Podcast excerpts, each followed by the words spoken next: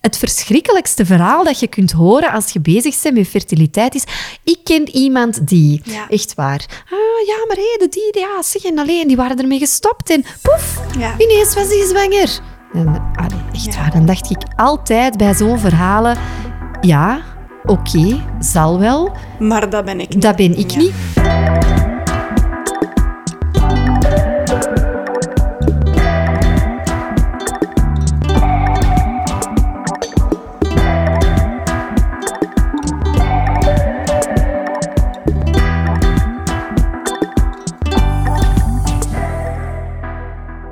Ik ben Elve. Ik ben 40 jaar. Dat is even oud als Beyoncé, wil ik er eventjes aan toevoegen.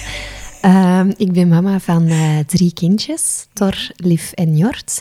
Ik heb ook een uh, sterrenkindje, Riv, en ook een pluszoon, Senna. Dat is al puber, de rest is nog een pakje jonger.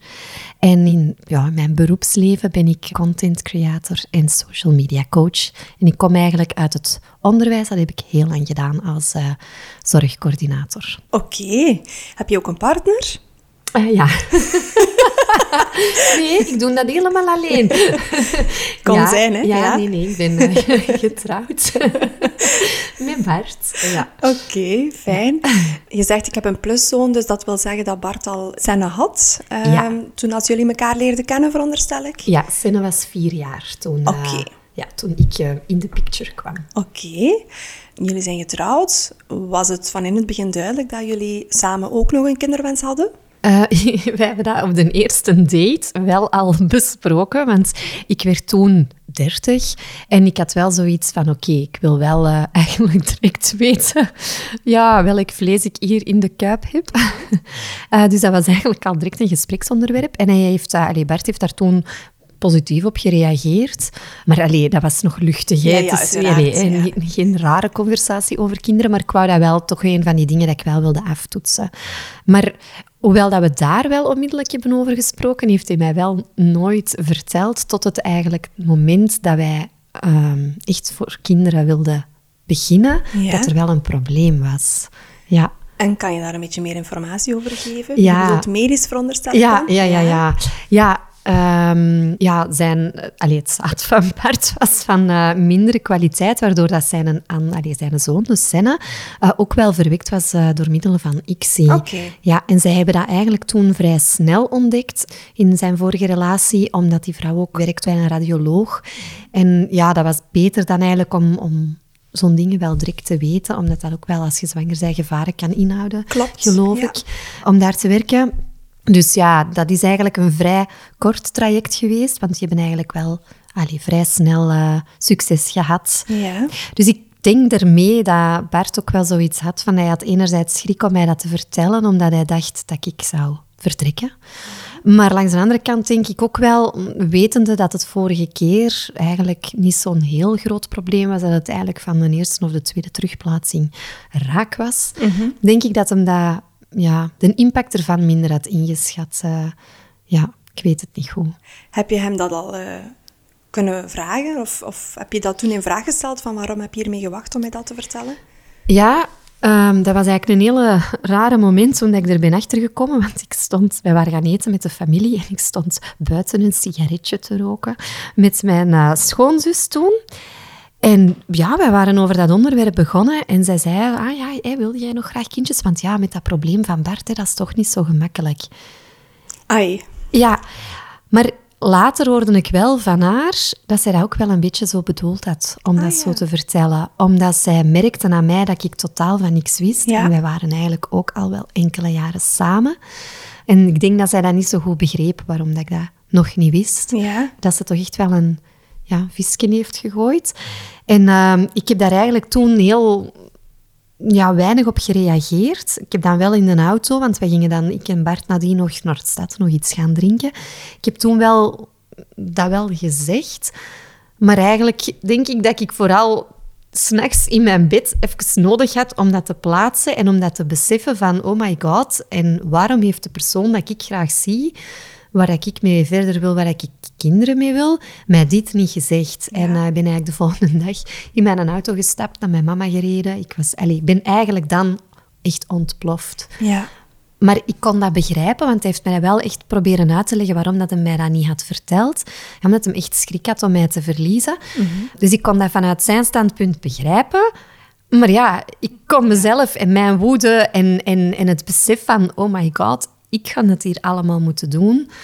Ehm, ja, ook heel hard begrijpen. Ja. Maar allee, dat heeft er wel voor gezorgd dat nadat ik dat dan een beetje kon plaatsen, dat we wel verder konden. Oké. Dat, is geen, allee, dat is duidelijk, hè, want anders zat ik hier niet, geen breekpunt geweest. Nee, eh. oké. ja. Heftig. Ja. wat een verhaal. Heeft Bart daar iets van ondersteuning of begeleiding in gekregen in die fertiliteitsperiode dan bij zijn zoon bijvoorbeeld? Ja, zoals ik al zei, denk ik dat, dat die periode vrij kort was. En de Bart zijn beleving rond zo'n fertiliteitsklinieken nu, achteraf in het algemeen, is wel vooral dat de man erbij... st- Allee, ik sta erbij en ik kijk ernaar. En hij voelt dat die betrokkenheid veel minder is. Dat die dokters vaak eh, ja, de focus op de vrouw leggen, maar ook in hun gesprekken of in, in is het oké met u, is het oké met Ja. dit, is het oké met dat. En dat, dat, ja, dat voelt hij wel. Dat heeft hij wel al een paar keren gezegd. ehm. Dat de partner toch eigenlijk toch net iets te vaak links... eh, ja, en bij, want wij zijn wel eens een keer van kliniek veranderd. En bij de dokter waar we toen terechtgekomen zijn, voelde hij dat helemaal anders aan. Daar voelde hem zich... Allee, dan, ik denk daardoor, door zo'n beetje dat verschil aan te voelen... eh, of, kon of het vergelijken natuurlijk, ja. Oké. Want jullie hadden dan beslist, wij gaan voor kinderen. Dus het was dan van in het begin vrij duidelijk dat jullie onmiddellijk in een fertiliteitstraject moesten stappen? Of hebben jullie toch nog eerst geprobeerd de natuur zijn gang te laten gaan? Ja, het, het rare was hij... Allee, rare. Het was eigenlijk al een half jaar ervoor dat ik gestopt was met de pil, omdat ik merkte dat, ja, dat ik heel veel last had van mijn hormonen. En ik zocht een beetje een verklaring van, allee, hoe, hoe kan dat? Want het is duidelijk hormonaal. Allee, dat, dat, eh, duidelijk, ik ben geen dokter, maar ik voel dat precies aan alles, dat dat... Ja, dat dat er iets mee te maken heeft. En ik had eigenlijk schrik, wat als ik in mijn menopauze aan het komen ben? Eh, ondanks dat ik de pil pakte, allee, ik dacht, oké, ik moet eigenlijk echt eens van die rommel vanaf. Ik stop daarmee en dan zien we wel wat er gebeurt. En ik dacht, ja, de Bert zal wel... eh allee, allee, ik was dan een hele voorraad condooms gaan halen. Maar ja, daar werd niet altijd zo eh, consequent mee omgesprongen. Dus dan dacht ik toen, goh, hij vindt dat duidelijk niet zo erg, moest er hier iets gebeuren. Hè? Maar we hadden eigenlijk toen nog niet echt uitgesproken van we gaan voor kinderen. Oké. Achteraf vond ik dat wel het grootste verraad in Ja. heel de opzet. Dat ik dus als een belachelijke, on- onwetende onnozelaar een hele voorraad condooms gaan halen, terwijl dat eigenlijk niet nodig is. Ja. En dat als het zou gebeuren, dat, dat het dan eigenlijk een mirakel Ja. zou zijn. En dat was voor mij zoiets, als hem het toen gezegd heeft, of allee, als ik er ben achtergekomen, van allee, er zijn zoveel momenten geweest dat je mij dat had kunnen, Kunnen zeggen. Hè, ik twijfelde zelf aan mijn eh, fertiliteit en, en oh nee, ik ben misschien hier al in de menopauze aan het geraken. Ik had zelf angsten. Ik ga condooms halen, omdenkende van oké, want we hebben het er eigenlijk nog niet echt concreet over gehad. Allee, echt waar. Ja. Ja, dat, dat was eigenlijk ook buiten het ding van als vrouw is het wel, ja, ja voor u al het, werk. grootste, het fysieke, dat, alleen, ja, Ja, ja. dat is voor de vrouw inderdaad, Ja. in een fertiliteitstraject. Ja, en ehm, ja, ik dacht echt van, kom aan, er waren zoveel momenten dat Ja. je dit al met, met mij had kunnen bespreken. Maar nogmaals, ik begreep ook wel dat hij er angst rond had. Ja. ik denk, op den duur zijn ze zo ver gekomen in die relatie dat dat het nog moeilijk is om... Om je hebt een moment gezwegen. ja. ja, hè, er is nog eens een moment geweest, maar je hebt gezwegen. Ja, hoe begint het er daarna nog terug aan? Allee, over. Dus ja, Klinkt niet evident, inderdaad. Nee. Eh, voor beide posities Ja, niet. nee. maar ja, dat is ondertussen nu ook zoveel jaar geleden. En, en ja, allee, ik heb dat wel vrij snel kunnen plaatsen, Ja. want ja, het was ook wel duidelijk, we wilden er samen voor gaan. Ja. Dus, Ik kan het niet laten om dan wel mij af te vragen van stel nu dat hij in het fertiliteitstraject met zijn eh, vorige partner wel de goede ondersteuning heeft gekregen en wel naar waarde geschat werd en dat ook zijn beleving meer aandacht had gekregen, misschien had dat dit dan ook wel wat kunnen voorkomen, maar we gaan het natuurlijk nooit weten. Hè? nee. Maar dat vraag ik mij nu zo wel af op het moment dat je mij dat vertelt. Oké, maar je vertelt dus dat jullie dan uiteindelijk, eens jullie actief hadden uitgesproken om voor kindjes te gaan, dat jullie in de fertiliteitstraject zijn gestart. Hoe was dat voor jou? Ehm, ik dacht, goh, zal dat hier eens even klaren. En dat heb ik liggen denken, echt tot een minuut voor mijn pick-up, mijn eerste pick-up. Dacht ik, goh, dat komt hier wel in orde.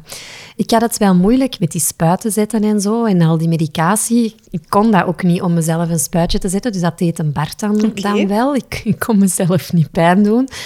En dat, allee, emotioneel vroeg dat al wel zeker wat van mij tot die eerste pick-up, maar altijd nog zo wel van, dit moet ik nu even doen. En voilà. En eigenlijk kwam het eerste besef van, ah, oei, dit kan misschien zelfs niet. Allee, er komen misschien nog keren. Dat, dat, besef kwam pas als ik in de kamer lag. Dus dat was een ziekenhuiskamer waar dat er eigenlijk nog vrouwen lagen te wachten of die op een pick-up of die daar binnengereden kwamen. En die vrouw naast mij, die vertelde, ja, het is al, pakt een derde keer of zo. En dat, is, dat klinkt echt heel belachelijk, maar met dat hij dat zei, dacht ik ineens, ah, oh, dat ah. kan dus ook. Dat, ja, ja. Maar ook nog ergens, goh, maar bij mij gaat dat niet zijn, want ik was zo overgestimuleerd, of ik, ik maakte zoveel follikels mhm. waarin dat eicelletjes zitten, dat ik echt, ik zat vol. Ja. En dus ik dacht, ja, ik zit hier vol. Dus er gaan er zeker oh, genoeg over schieten. Amai, ja. echt waar. En dan tijdens die pick-up, ja, dat was verschrikkelijk. Want je hoort die eigenlijk vanuit dat labo. Hè, dus ze zuigen zo'n follikel leeg in de mhm. hoop dat ze een eicelletje mee hebben, hè, dat daar nog ergens ronddwarrelt. Ja, dus ze zuigen die follikel leeg en dan kijken ze snel in het labo van, ja, zit het erin of niet? Klopt, ja.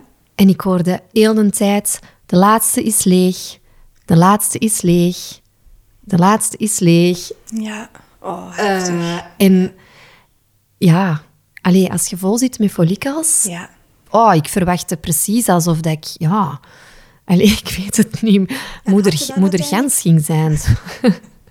en had je dan uiteindelijk wel eicellen? Of? Ik, had er, um, ik had er vijf. En die waren allemaal onrijp. Oh jee. Ja. ja. Dus er was wel echt iets misgelopen in het traject. Ja, het was waarschijnlijk te ver. Hè. Waarschijnlijk zal mijn ijsprong toch gebeurd zijn. Hebben ze die niet kunnen tegenhouden. En gaan al die eicelletjes ja, weg geweest zijn. Allee, dat is mijn eigen verklaring dat je daarvoor zoekt. Had je daar dan geen nood aan, aan een verklaring? Van ja, hoe komt dat dan dat het helemaal ja, een teleurstellend resultaat was, ondanks dat we zoveel follicles hadden? Nee, ik zat eigenlijk vanaf die teleurstelling in de put. En denk ik niet dat ik nog heel helder kon nadenken. Ik denk, vanaf toen is mijn trein gestart. Allee, als ik daarop terugkijk, zie ik dat altijd als een trein waarop dat ik zat. En die stopte in geen enkel station. Die ging altijd maar door, door, door, door, door. En ik moest mee met zijn trein. En uh, zo, is dat, allee, zo heb ik dat heel hard ervaren. En ja, ik heb zeker niet altijd, uh, altijd understatement, opengestaan voor heel veel uh, advies dat niet linkte aan hoe dat ik het beleefde. Kun je daar wat meer over vertellen? Um, ja, ik vind het moeilijk om daar nu een voorbeeld over te geven, maar sowieso vind ik dat er weinig dingen zijn die je als buitenstaander kunt zeggen, die dat echt bijdragen aan als, of die dat je als hulp kunt ervaren. Uh, buiten vind ik medeleven. Want ja, zo van die opmerkingen als... Um, je moet er misschien wat minder mee bezig zijn. Allee, dat zijn, maar dat zijn nu wel de typische... typische... opmerkingen. Ja. Maar ik heb ook momenten gehad dat ik... Um, allee, dus dat zijn de typische en, en die zal iedereen wel herkennen en, en herkennen. Maar zo'n moment dat ik ook helemaal niet goed in mijn vel zat. De Bart vertrok op skivakantie.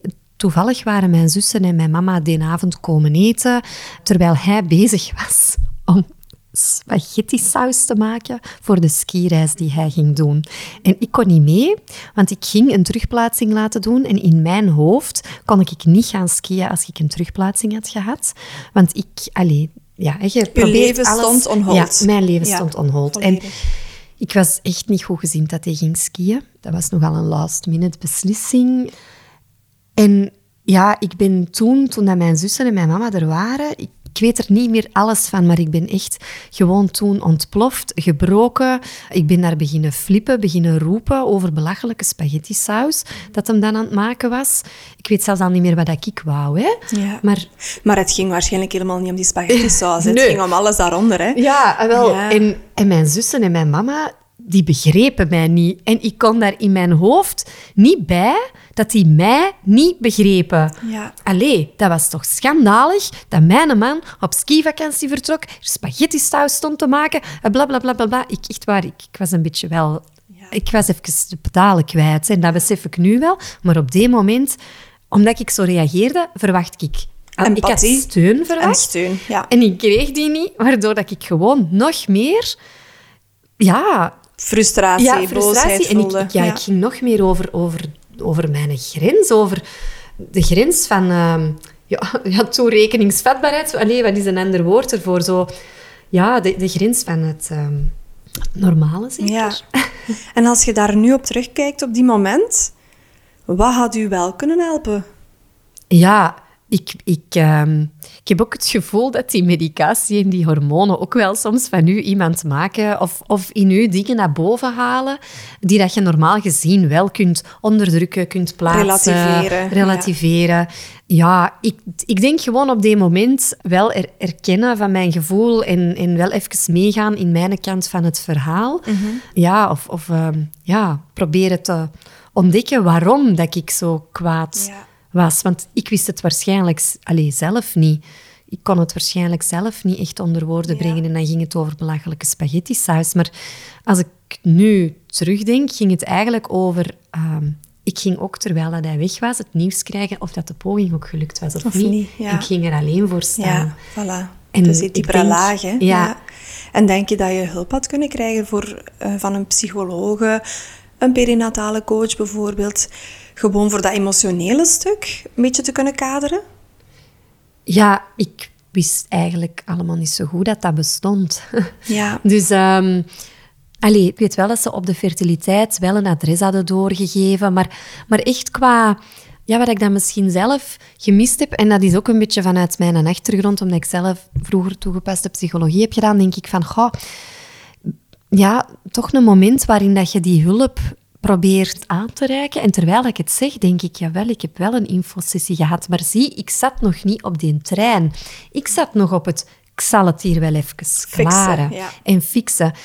En nu weet ik niet meer hoe, maar ik zou durven in twijfel trekken dat als ik dan de eerste keer totaal mislukt ben, was voor mij niet per se de oplossing, ah, gaan- pick-up ja. telt niet mee. Nee. Maar misschien wel van, Waar Ja. heb jij nu, wat heb jij Ja. nu nodig ja, ja, om op je plooi te komen? Maar ik weet niet of ik er naar geluisterd zou hebben, ze. Want ik zeg het, ik zat, op, ik zat op die trein die daar eigenlijk naar niemand luisterde en voor niemand stopt. Ja, en hoe beleefde Bart dat dan? Ehm, ja, ik denk dat hij met momenten mee op die trein zat, zeker. Maar dan op andere momenten er wel bewust leek van af te stappen, zoals bijvoorbeeld Ja. die skireis? Of... Ja, maar ik, alleen ik begrijp ook wel dat hij dat ook wel nodig had. Hè? Want ik kan die ook eh, ongelooflijk veel dingen gunnen, waaronder een skireis. Dus dat, ja, de Bart is eigenlijk op zich iemand dat heel, een heel rustige man is, die dat, ja, communicatief niet altijd de sterkste is. En, en ik dan weer wel, dus wij zijn soms daar wat uiterste in. En die daar altijd een beetje van op de achtergrond aanwezig Ja. was. Maar ja, die was er wel voor mij. Maar ik... ik ehm, ja, dat is moeilijk om daar zo op terug te denken, want ik vind echt dat je daar een heel deel, een heel stuk van vergeet. Ja. Vanaf het moment dat dat voorbij is, dan vind ik dat je zo... En dan gaat dat eigenlijk over jaren. Als ik daarop op stilsta, dat gaat eigenlijk over jaren in mijn leven die ik daaraan gewijd heb, waar dat ik eigenlijk de focus op mijn relatie niet gelegd heb en ook niet op mezelf. Op jezelf, ja, ik wou het En ja, op mezelf, maar, maar ook op mijn relatie. En dat is eigenlijk wel een periode van jaren die weg is. Hè? Ja. En ondanks dat ben ik wel nog altijd samen met Bert. En denk ik, ja, dan heeft het ons ook wel ergens gesterkt. Lijkt mij ook Ja, wel aan, ja. ja. Ik geloof ook wel dat het niet veel zin heeft om, om dat ook te overanalyseren. Maar als ik erover te- op terugkijk, denk ik wel van, goh, jammer. Als ik had geweten van, goh, er is iets zoals een perinatale coach of er is zoiets als een kinderwenscoach, begeleider, eh, whatever, denk ik wel dat ik, ehm, ja. Het had dan- misschien gewoon fijn geweest als het je werd aangeboden. Ook al was je er op dat moment niet klaar voor.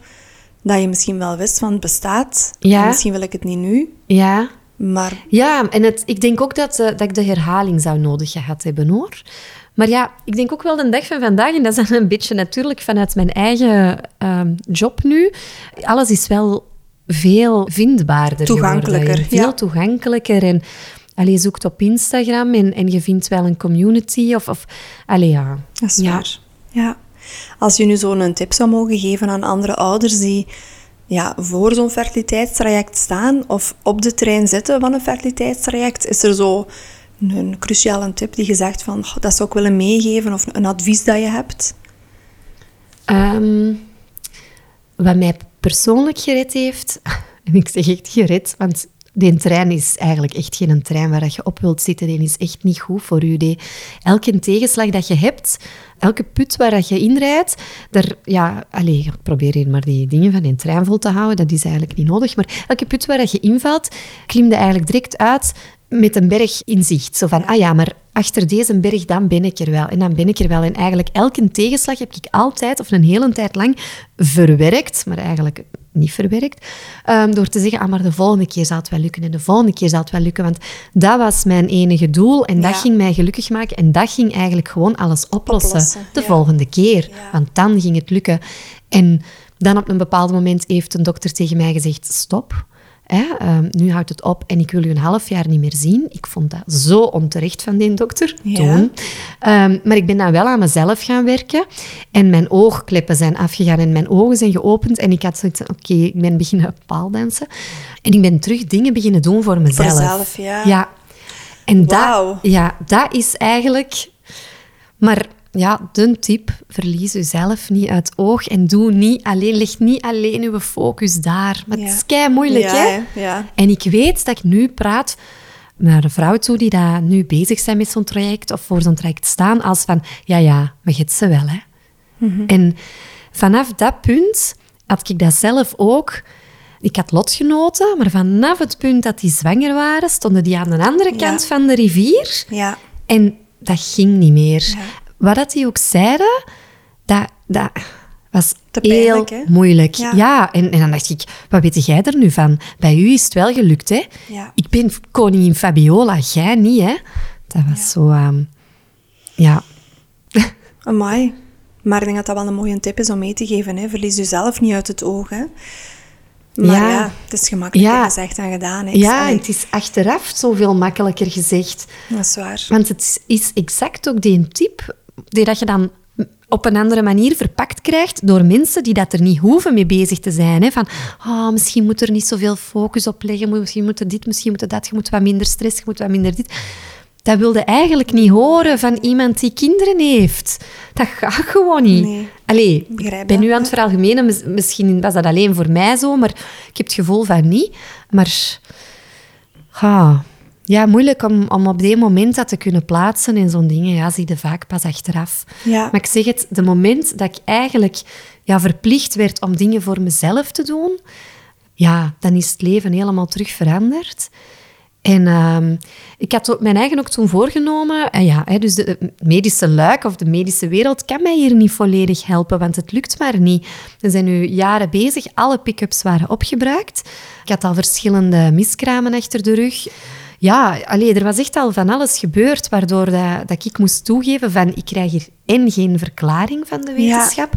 En ze willen mij hier blijkbaar ook gewoon niet meer Ja. verder helpen. Allee, voor een half jaar. Eh, en dan ben ik zo ja, andere wegen gaan bewandelen. Hè. Ik ben toen wel naar een psycholoog gegaan, een supermadam trouwens. Ik ben naar een acupuncturist geweest. Ik heb dan een soort van candida-dieet gevolgd. Ik ben terechtgekomen bij een ehm osteopathe die echt gespecialiseerd is in fertiliteit. Colette Peters noemt hij. Ik vernoem die omdat ik echt geloof dat hij mij heeft zwanger Geholpen, gemaakt. ja. Ja, dat paaldansen, dat, allez, ik zeg het nu nog eens, dat is echt mijn grote hobby en mijn passie. En dat heeft er ook voor gezorgd dat ik terug kon verbinden met mezelf lichaam, als vrouw. Ja. Ja.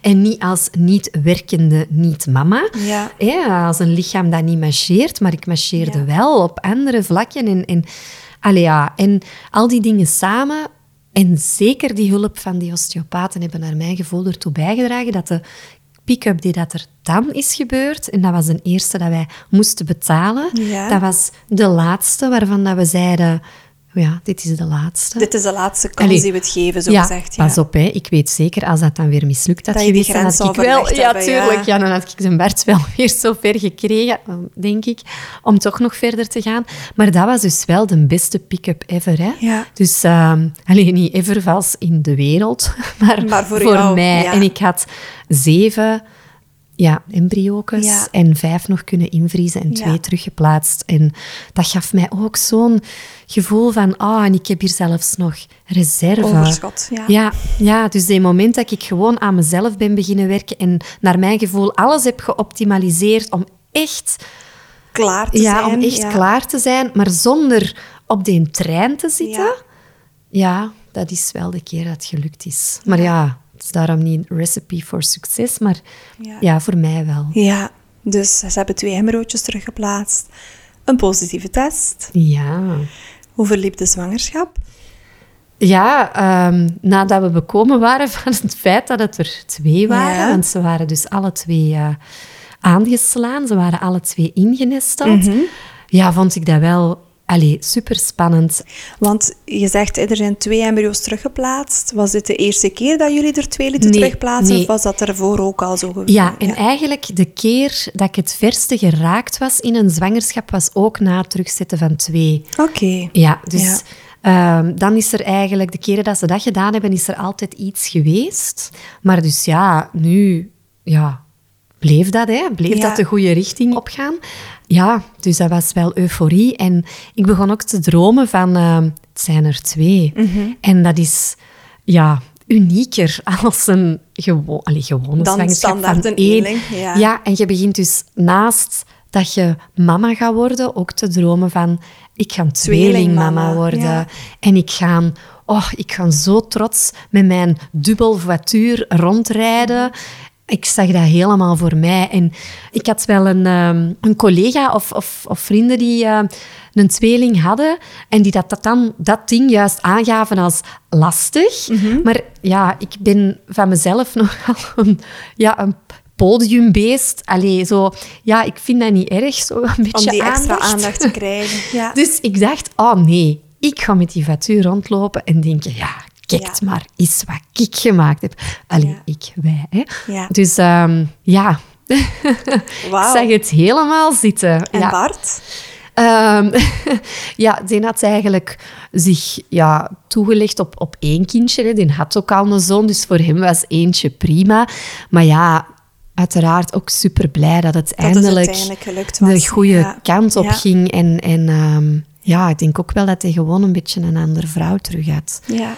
Want had jij het gevoel dat je jezelf terugvond eens je dan zwanger was? Ehm, zo echt terugvinden. Want ik, ik, allee, ik vond wel dat ik mezelf al had teruggevonden door een hobby tegen te komen die gewoon echt zo bij mij past en mij zoveel geholpen heeft.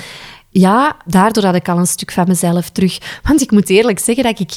Ik heb enorm genoten van elke zwangerschap.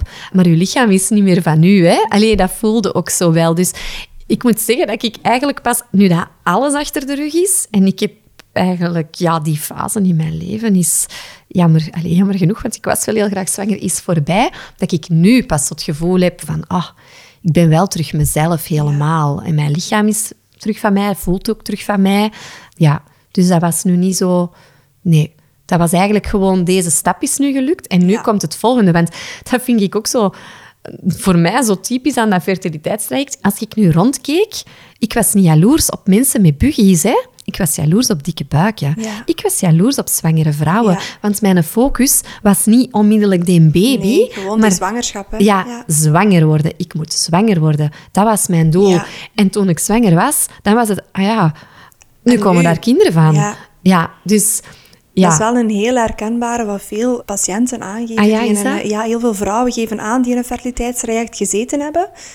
Dat eens dat ja, dat, dat wat geland is, gewoon het feit van oké, nu zijn we zwanger, dat dan pas het besef lijkt te komen van oké, dus nu komt er effectief een kind. Oei, Ja. wil ik dat eigenlijk wel? Ga ik dat kunnen? En dat daar ineens vaak een twijfel ontstaat, gewoon door die trein die jij ook net mooi Ja. beschreven hebt, waar dat je zo lang op zit vaak, die zo raast, Ja. Ja dat ja. je inderdaad gewoon niet verder kunt kijken dan die Nee. volgende stap. Hè? Nee, want Ja. je, je denkt dat het eindstation zwanger worden is. En ineens zitten in dat eindstation en denk je, oei, nou, nee. Nu beginnen Er is ze. een ander spoor. Ja, ja. ja. En die zwangerschap, je was dan zwanger van een tweeling. Hoe verliep die zwangerschap medisch gezien voor jou? Ehm, ik ben vrij snel thuisgebleven van mijn job. Om, ja, ik, ik had een, eh, een placenta dat niet helemaal goed lag of zo. Ik weet al niet meer hoe. En eigenlijk denk ik ook wel een beetje dat de gynaecologe dat mij heeft voorgeschreven, ook omdat ze... Ja, Het traject Ja. dat eraan vooraf gegaan was, eh, wel in haar achterhoofd hield ook, ja. Ja, dat denk ik wel. En ja, geen, niet te veel risico's nemen, omdat het ook een tweelingzwangerschap is. Dus ik ben eigenlijk vrij snel thuis geweest. En ik heb dan, ja, daar heb ik wel enorm van genoten. Want eigenlijk verliep alles, ja, goed. Ja. Ehm, Oké, en dan naderde je het einde van de Ja. zwangerschap en toen? Ja, dan, ja, het einde van de zwangerschap eigenlijk was dus een geplande keizersnede twee weken voor de uiterlijke datum, uitgerekende datum. En alles verliep goed. Ik kan echt niet zeggen dat er enige aanwijzing was die zou aankondigen dat wat er daarna gebeurd is, zou gebeuren. Dus ehm, ja, dat, dat is heel vreemd. Ik heb eigenlijk tot een dag van mijn bevalling een eh, droomzwangerschap gehad. En eigenlijk tot en met de geboorte van Thor, ja, kan ik niet zeggen dat ik, heb ik ervan genoten, heb ik mee... Allee, je zit altijd wel een beetje in met een zwangerschap, maar niet van, ik heb, ik heb hier mega veel... eh, Angsten ja, of zo, Angsten, ja. nee, totaal niet. Ik heb wel eens wat bekkeninstabiliteit gehad, dat ik dacht, oh nee, de rest ga ik hier in een rolstoel moeten uitzitten. Maar ook die periode is voorbij gegaan. Ik had eigenlijk echt een goede zwangerschap. Ja. En op 38 weken stond er een keizersnede gepland. Ja, Je ging binnen naar het ziekenhuis en toen? ja toen ehm, eerst in de kamer hè, controleerden ze nog eens de hartslagjes. En ehm, ja, er was ook een stagiaire bij, dat herinner ik mij nog heel goed. En ze vonden niet direct de tweede hartslag. En ineens vonden ze hem wel. Ah ja, hier is hem. Hè? En dan is er beslist geweest, ik weet niet juist voor wat, dat die stagiaire niet meeging. Maar ik weet niet meer waarom. Het schiet mij nu niet meer te binnen. Voor en de- achteraf, voor de- voor de keizersnede. eigenlijke keizersnede. En achteraf heb ik nog gedacht, kei belachelijk dat je op die moment aan de stagiaire denkt, maar van, amai, al goed dat die hier niet was. Want dat had die haar eerste bevalling geweest en dat had zoiets geweest. Allee, een drama, hè.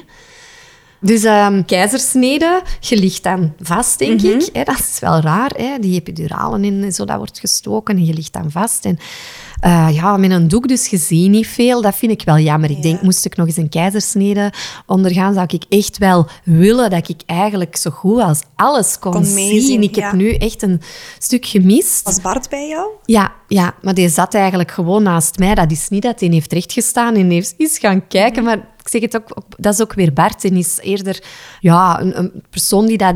Ja, die gaat dat niet als haantje opdringen, de voorste gaat opdringen. Nee, hè. Die heeft wel wat foto's kunnen trekken als aan Thor eh, ter wereld is gekomen.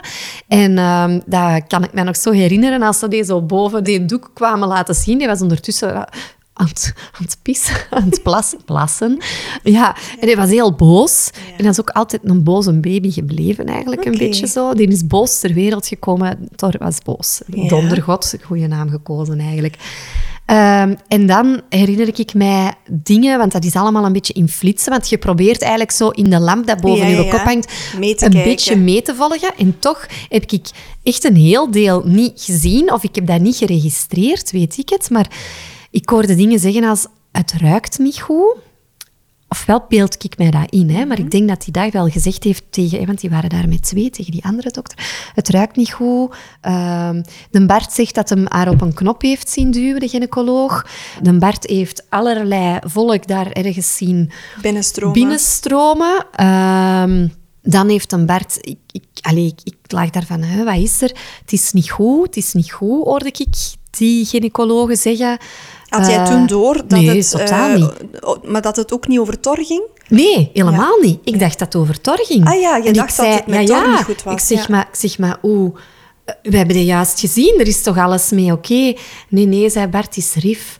Zeg, oeh, is dit al uit mij? Mhm. En ja, dat was dus al gebeurd. En dat moment heb ik dus niet gezien. Niet dat moet echt ja. nee, heel snel gebeurd zijn. Ehm, ja, en dan...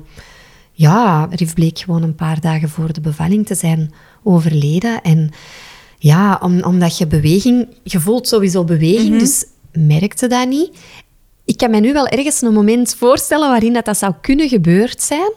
Omdat ik eens in ons bed lag of zat en ineens kreeg ik heel veel pijn. En misschien is dat ook niet, maar voor mij is dat het moment dat dat gebeurd is. En Mhm. Ja. dan denk ik, oh, dat, dat is misschien zo zijn laatste moment om te zeggen, mama, help mij. Ja. Maar ja, dat Ja. kun je natuurlijk niet. Ja, dus ik, ik weet eigenlijk niet echt wanneer dat, het, het ergens gebeurd gebeurd is. maar het moet wel allee, een, al een tijdje gebeurd zijn. Want dat, kunnen ze, allee, dat zie je dan wel aan Mhm. dat babytje. Dat is geen helemaal perfect Gaaf ja, babytje meer, niet nee. meer. Hè? Ja, dus ehm, dat, was, eh, ja, dat was heel raar. Dus Tor was geboren, ondertussen was ook Rif geboren. Je hebt dat eigenlijk niet echt meegehad op dat moment dat hij al geboren was. Nee, nee. Maar jij hoorde vooral zeggen, het is niet goed. Ja, ja, Is er iemand die Ja. jullie dan heeft ja, ja, ja. Dan, ehm, ja, dat herinner ik mij ook nog heel hard. Dat dus het hoofd van onze gynaecologe boven die doek uitkwam en kwam zeggen dat Rif overleden was. ja. Dat herinner ik mij, maar hoe dat ik daarop heb gereageerd, dat, dat weet ik eigenlijk niet meer. Dat, allee, ik, ik- ja. Want ik weet wel dat... Dus als ik nu... Want dan moet ik eigenlijk even een klein sprongetje maken al, want ik kan mijn eerste reactie echt niet meer, niet meer herinneren.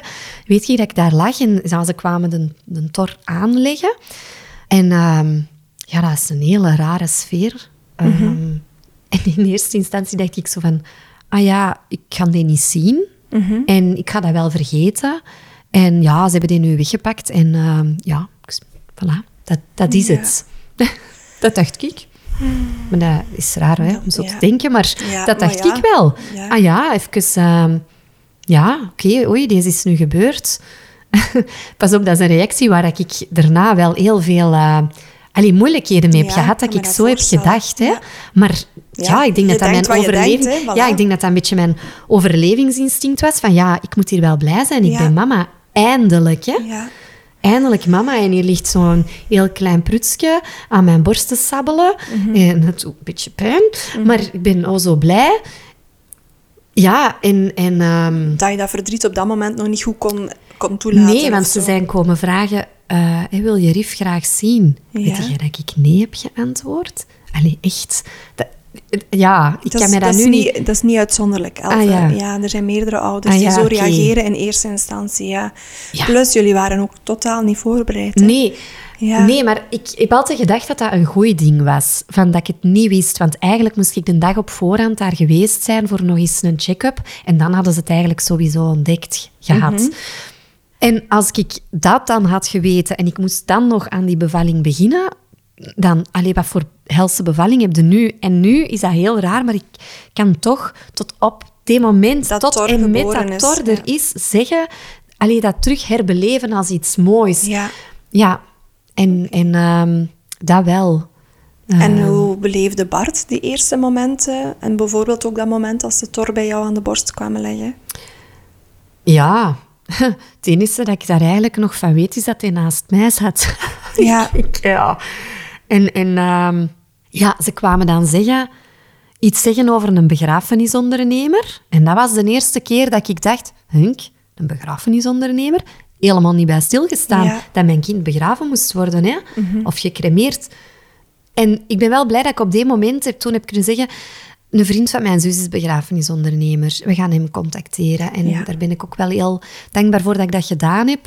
Want dat heeft mij nadien wel wat mogelijkheden gegeven in het verwerken. En, en allee, dat dan een hele persoonlijke service dat ik Ja. gekregen heb van die vriend. Ja, ik kende die ook. Ehm, daar ben ik die eigenlijk heel dankbaar voor. Ja, dat was eigenlijk het eerste ding waar dat wij zo alle twee zoiets hadden van, oké. ehm, ja, de Bert was eigenlijk denk ik vooral heel stil. En, eh, want ik ben degene die eigenlijk naar iedereen gebeld heeft. Ja. En, allee, iedereen. De Senna moest dat toen weten. Die was toen Ja. eh, bij eh, een vriendje en een, een vriendin van mij. Die was daar blijven slapen. En ik moest dus die vriendin bellen en dat vertellen. Hoe oud was Sanne toen? Ah, Die is nu 15 en een Tor is 6. Negen jaar ongeveer, ja. Ja. Oké. Ja. Dus hij wist goed genoeg, er komen twee broertjes Ja, ja, aan. ja, ja, ja. Oké, Ja. en Ik- wat, wat was zijn eerste reactie? Of weet je dat ook niet meer? Geen Nee. idee. En ik, ja, daar was ik niet bij. Ik heb wel... Allee, ik ben wel allee, gespaard gebleven van eh, bepaalde emoties of van bepaalde reacties van, Van mensen. familie en Ja. vrienden, ja. Ja, maar ja, elk babybezoek dat binnenkwam was altijd wel heel geladen. Zo, hè? Elke keer als die deur open ging, dan lag ik daar echt, oh miljard, wie gaat dat zijn? Hoe gaan die reageren? Wat gaan die doen? Gaan die al beginnen wenen? Gaan die...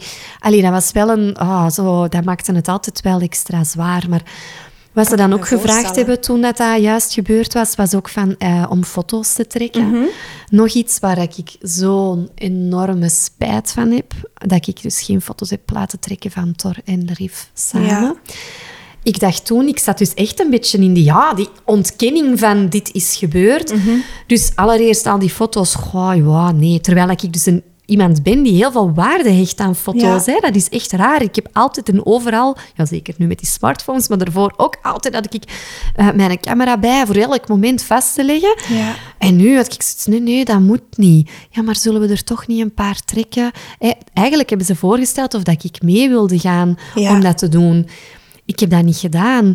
En ik heb dus nu foto's van de Rif waarin dat hij zijn handje en een vinger vasthoudt, maar dat is een vinger van een vroedvrouw. En Ja. nu denk ik, allee, ik kan naar die foto zien en denken dat het mijn vinger moeten zijn. Ja. Oh, Elve. Is dat wel zo? Nee, maar dat is gewoon Is super heftig, hè? Ja, maar dat zijn zo die... Je doet heel veel dingen, achteraf ook nog, heel veel kleine dingen, waarvan dat je denkt, ik moet dat doen, want dat weet dat kindje dat dat belangrijk is. Ja. Tuurlijk. Waaronder zo van die foto's. En ik heb wel foto's van mij en hem, want een paar dagen later kon ik het wel aan Om hem te zien, ja. om hem te zien. Ik heb hem wel gezien op dit moment ook. Hè. Ze ja. hebben die komen binnenrijden. Maar ik heb daar eigenlijk van op een afstand naar gekeken. Ik heb die even aangeraakt, omdat ik dacht dat dat moest. Ja. Ehm, want echt, ik zat in die ontkenning. Hè. Ja. Ehm, en ehm, ja, maar ik zag een dood kindje. Ik zag eigenlijk... Ja, mijn papa was zoveel jaren geleden ervoor overleden. En ik, ik zag precies zo herkenning. Allee, Of Ja. gewoon misschien dat... dat aspect dood. Ja. Dat, dat is, ah ja, ja, ja, dat is mijn kindje en mijn kindje is dood. En het was eigenlijk pas een paar dagen later dat ik naar de foto's wilde kijken. Want ze hebben dat elke dag aangeboden. Hè? Van, wilde eens naar de foto's kijken? Ik wou dat allemaal niet.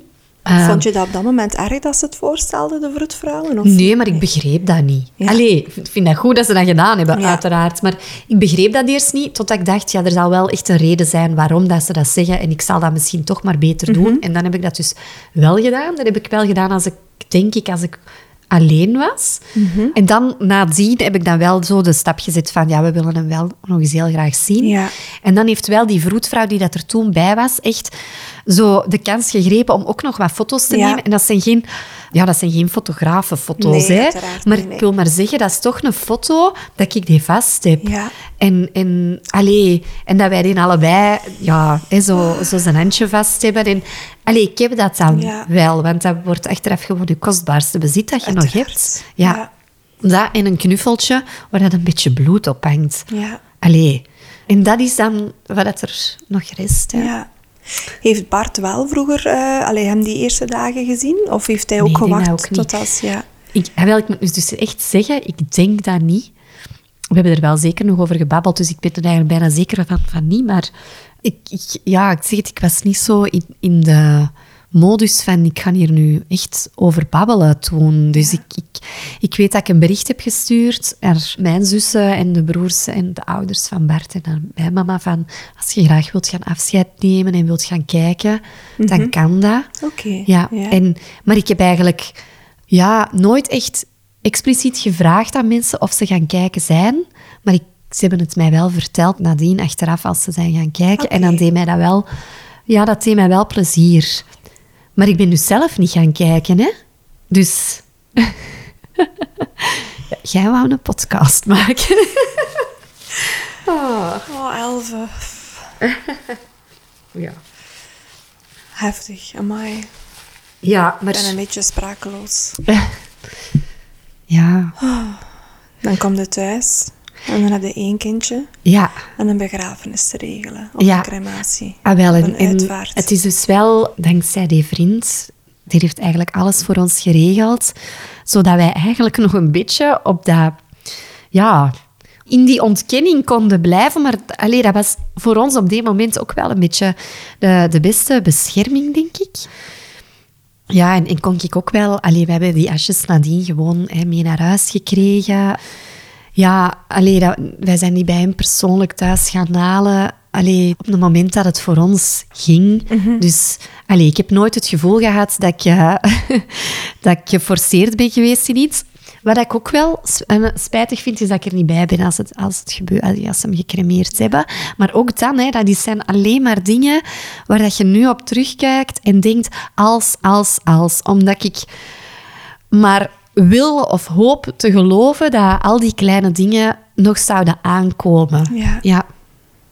Heeft Senne eigenlijk uh, Rif gezien, ontmoet? Um, nee, heeft hij niet ontmoet, maar toevallig een paar maanden geleden hij praat daar wel over. Okay. En heeft vorig jaar ook uh, uit zichzelf ook een ketting gekregen. Hij heeft er ook achter gevraagd met asjes in uh, van hem.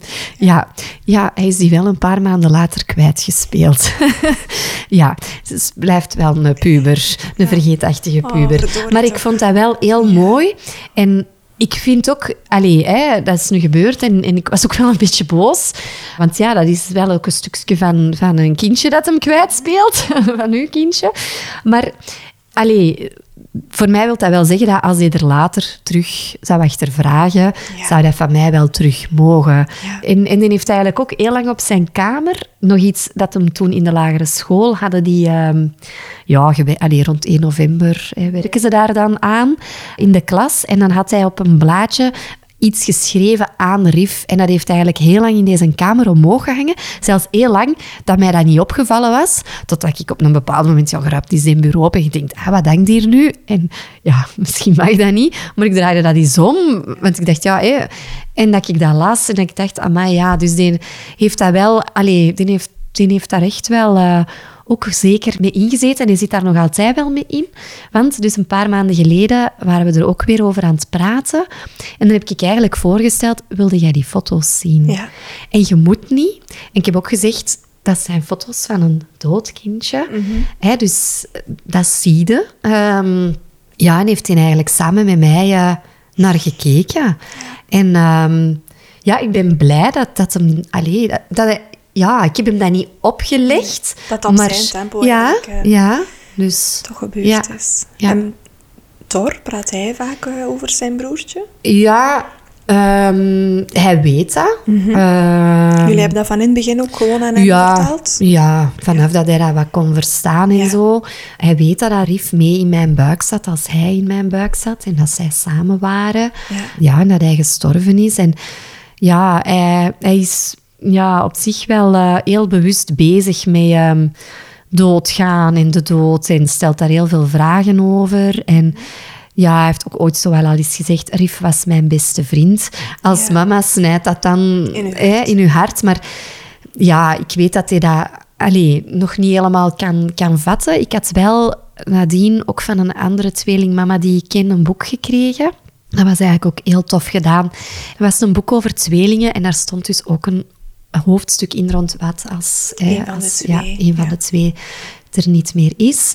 En die had eigenlijk heel dit boek, geloof ik, ingepakt in inpakpapier, behalve dat hoofdstuk. Want hij zei, het is enkel dit hoofdstuk dat je moet leren, Ja. lezen. En dat ik zo de Oh. rest niet zag en Ja. er niet mee... Allee, en ik heb dat ook echt dan zo gedaan, dat ik dacht, ik ga hier niet een boek hier Mhm. in zijn volle glorie... eh, nog eens aanschouwen, want ja, dat kon ik niet aan. Ik ben ook heel blij dat... Allee, heel blij. Ik ben niks heel blij. Maar ze hebben er wel voor gezorgd. Ik ben daar heel dankbaar voor.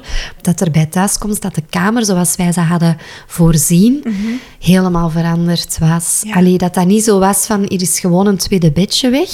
Maar mijn schoonzus heeft er toen ook mee echt voor gezorgd dat dat op een andere manier ingedeeld stond in die kamer. Ja. Waardoor dat dat zo niet zo aanvoelde. En ook alle dingen, hè, de babywinkel heeft ook alles gewoon teruggenomen. Ja. Maar ja, ook die duo-buggy. Ook al konden daar een buggy en een mandje ernaast van maken, ik kon dat niet aan. Ja. Wetende dat die buggy bedoeld was voor, die twee twee, kindjes, ja. ik wou dat niet. Nee, dat ging niet. Dus die moest terug. Ja. En dan heb ik van mijn man de graafste buggy ever, de diesel jeans editie, gekregen. Oh, ja, als compensatie. Dank u, Bart. Ja, ja, konden we echt graaf, Maar graaf ik vind dat wel knap ook, Elve, dat je dat zegt. Want evengoed durf je niet opkomen voor jezelf op dat moment. Ja, en rijd je toch rond met die buggy omdat je denkt, ja, gaat die geboortewinkel zeggen of wat dan ook. Ja. Allee, ik bedoel, het is goed dat je gewoon zelf hebt aangegeven van oké, dit is voor mij nu te pijnlijk, Ja, dit kan ja. nu niet. Ja, Dat is wel ik, sterk. ja ik, vind dat, ik vind dat tof dat jij dat zegt, want zo heb ik dat helemaal niet beleefd. Van ik als sterke persoon. ik, ik voelde mij zeker niet, eh, niet sterk. Ja, als ik erop terugkijk, zal ik dat wel hebben moeten zijn. En eh, ja, en ik ben dan ook wel een tijd thuis geweest. En ik dacht ook toen, ik wil nooit meer werken. Ja. Allee, ja. Want je bent thuisgekomen uit het ziekenhuis. Hè. Jouw familie had het een beetje anders ingericht om de thuiskomst iets minder confronterend te maken, Ja. veronderstel ik dan. Hoe was dan die periode met Torwel thuis? Eh, ja, Thor eh, was al woedend ter wereld gekomen. en dat was dan wel eigenlijk een beetje... De toon was gezet zo. Ja. Dus een, een, eh, Thor heeft met heel veel... eh, ja, boosheid of misschien verdriet. hè, want ik zei Ja. ook daar straks van, ik had een boek gekregen en ik heb dat stukje ook gelezen, waarin dat ik ook lees dat sommige kinderen dat ook wel aanvoelen Ja, of aangevoeld hebben, die aanwezigheid. Allee, ja, die aanwezigheid sowieso aangevoeld hebben, maar dat Die ook, ook dat gemis... missen, hè? Ja, Ja. dus eh, voor mij verklaart dat nog steeds Mhm. heel veel van zijn zijn. Ja, dus dat was eigenlijk niet de gemakkelijkste baby. Die Mhm. sliep op mij. ja. En ik heb eigenlijk ook zo'n beetje, denk ik, ja, dat kokonnetje van mij en Thor had ik wel heel hard. Mhm. Eh, ja, Had jij het gevoel van ik ben hier misschien wel overbeschermend of ook niet, of sloeg het niet door? Ehm, ja, het doorslaan. Ja, ik was wel zeker. Ik heb mijn baby niet echt afgegeven aan mensen, denk ik. Of toch niet snel. Zeker niet in de kliniek. En dan had ik eigenlijk een tante die daar, daar zelfs ook nog een opmerking over maakte. Die zoiets zei van, maar ja, houd hem maar goed bij u. Alleen maar zo, zo Ja. bedoeld van, allee, Ja. allee, je laat hem niet lossen. Hè, zo. Ja, dat was natuurlijk ook... Die heeft dat waarschijnlijk zo niet bedoeld. Hè, maar toch dacht ik toen... eh, eh, Ja. Maar ik was altijd al zo. Ik ben niet iemand, als ik op babybezoek ga, dat zegt... Mag ik uw kind... Allee, mag, Ja, ik- mag ik hem ook eens vasthouden? Ik ga dat nooit zelf zeggen. En zelfs als mama's mij dat voorstellen, dan zeg ik nog... Hoeft niet. Nee, nee, dat is oké hoor. Als ze dan aandringen, dan denk ik, oké, dat is dan dat ze het echt... Allee, dat ze dat Willen, echt oké vinden of dat graag hebben, dan doe ik dat wel. Maar dat is bij mij... Allee, ja. Ja. nee, dat, dat doe ik gewoon niet. Daarvoor deed ik dat al niet. En ja, nu zeker niet. En nu denk ik ook, moest ik het nu ja, ja, nog eens opnieuw moeten meemaken. Ik denk ook dat ik eigenlijk geen bezoek zou... eh, Ja. Maar eigenlijk ook zelfs mijn gewone bevalling niet. Ja. Even gewoon die tijd in het ziekenhuis voor mezelf, Voor te bekomen. hè. voor te bekomen, Ja. voor mijn kind, in plaats van eh, al dat bezoek. Ik zou daar echt, echt niet meer voor kiezen nu. Ik zou echt heel bewust voor mezelf kiezen. We merken dat ook sinds corona, hè, sinds Ja. dat de bezoekregeling veel strenger is. De ouders geven het zelf ook aan. Hè. Eh, en de baby's zijn vaak ook veel rustiger. hè. Ja, Dus, eh, kan ik geloven. de maatregelen zijn niet altijd fijn, maar voor Nee. de materniteiten Ja. is Ja. toch wel een godsgeschenk geweest. En ook gewoon voor de mama's en de, en de ouders in de thuiszetting. Hè. Eens dat je thuis bent, dat je niet meer elke dag bezoek moet ontvangen. Die druk hebt van een huis, dat spik en span moet liggen voor het bezoek. Dat je dan moet dienen. Hè. Gewoon rustig in hun bubbel kruipen en knuffelen. Ja, ja, ja, dat is. Ja, ja. De postnatale periode van na TOR en RIF lijkt mij best wel lastig. Wat maakte dat jij ja, de kracht vond om toch uit je bed te komen en voor TOR te zorgen en ja, bezig te blijven? Ehm, ik denk dat er een heel groot deel gewoon op automatische piloot was. Ehm, ja, sowieso was Thor een uh, vrij veel eisende baby. Heel veel wenen, vroeg heel veel nabijheid. Kon eigenlijk ook moeilijk slapen buiten wanneer dat hem eigenlijk echt op op u was. Ja. Uh, hij gaf ook heel veel terug. Dus ja, heeft hij reflux gehad? Of heeft hij daarnaast heel, allee, heel hard een gemis gevoeld? Hè? Um, of is het een combinatie van, van alles? Allee, het is ook maar pas achteraf, door de komst van Liv dan, dat ik heb ingezien van, oei, amai, dat was wel echt een hele moeilijke baby. Want op die moment doe je dat gewoon. En, en ja, je geeft je wat dat hij nodig heeft. En je bent mama. En Allee, ja, en, dat deel... Ehm, ja, ik denk dat ik daar wel heel hard mijn focus op gelegd heb. En ik, ik voelde mij ook echt in een kokonnetje. Hè? Zo, ik en mijn baby, ja, en, en Bert natuurlijk ook, maar allee, zo echt ik en mijn baby en wat dat hij nodig heeft. Ja, en het is maar eigenlijk echt het, het verwerken uh, rond Rief, denk ik, dat pas kon nadat de grootste zorgen zo wat om waren. Allee, en wat waren voor jou dan die grootste zorgen? Ja, ik weet het eigenlijk niet. Wanneer, ik, ik, ah, ik weet niet wanneer dat ik eigenlijk tijd heb genomen of heb gekregen om te zeggen van, goh, nu moet ik daar toch wel eens iets rond doen. Ik ben wel heel die periode ook altijd naar een psycholoog blijven gaan. De psycholoog die mij ook ondersteund had toen ik met de fertiliteitstraject traject bezig was.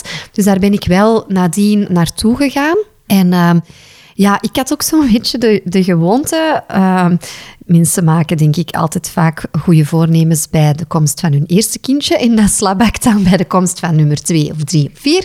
Mhm. Ehm, dus ik had het goede voornemen om elke maand naar Tor iets te schrijven.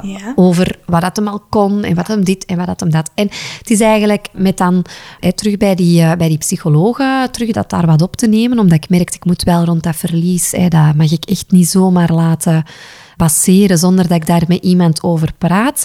En ik had daar wel over verteld, over die brief. En die heeft dan toen tegen mij eens gezegd, waarom schrijf je niet aan Rif? Mm Mooie suggestie. Ja. En dan heb ik dat gedaan. Ja. En dan, ja, dat staat ergens nog op de computer of in de cloud. ik weet het niet. Ik zou het eigenlijk nog wel eens terug willen lezen. Ja. Maar wij hebben, toen dat Tor vijf maand was, hebben wij een tripje naar Valencia gedaan. En uh, wij liepen daar over de straat. En ineens stonden wij voor een restaurant met een heel grote poort. Een, een verroeste poort, alleen moderne verroeste. Mhm. En daar was zo uit Rif, de naam Rif, ja. uitgegraveerd, ja, geschuurd. Allee, dat was heel confronterend, want wij waren eigenlijk op onze eerste reis en ik vond dat echt een signaal. Ja. ik krijg ja. hier, hij is erbij als boodschap. En we hebben daar een foto getrokken. Allee, we hebben eigenlijk, Ja, dat was eigenlijk dan ook nog eens achter de hoek van ons hotel. Ja. Dus ja, op die moment, op moment hebben we daar toen niet echt iets mee gedaan, maar wij liepen verder en ik dacht, ik wil daar een foto. Dus dan hadden we ons een beetje opgekleed en dan waren we daar terug naartoe gegaan. Hebben wij mensen gestopt, ja, dat uitgelegd, dat die echt even echt wel de, tijd namen om te begrijpen dat dit voor ons een belangrijke foto was, dat wij niet gewoon voor een, foto. ja, voor een restaurant staan, hè, maar allee, en dat Allee, ja, ik vind dat zijn, ondanks dat dat gewoon met een gsm getrokken is en zo, zijn dat voor mij heel krachtige beelden, is dat echt voor mij zo'n foto van, ah, die was erbij. En dat moment heb ik ook zeker in mijn brief naar hem toe, um, geschreven. geschreven ja.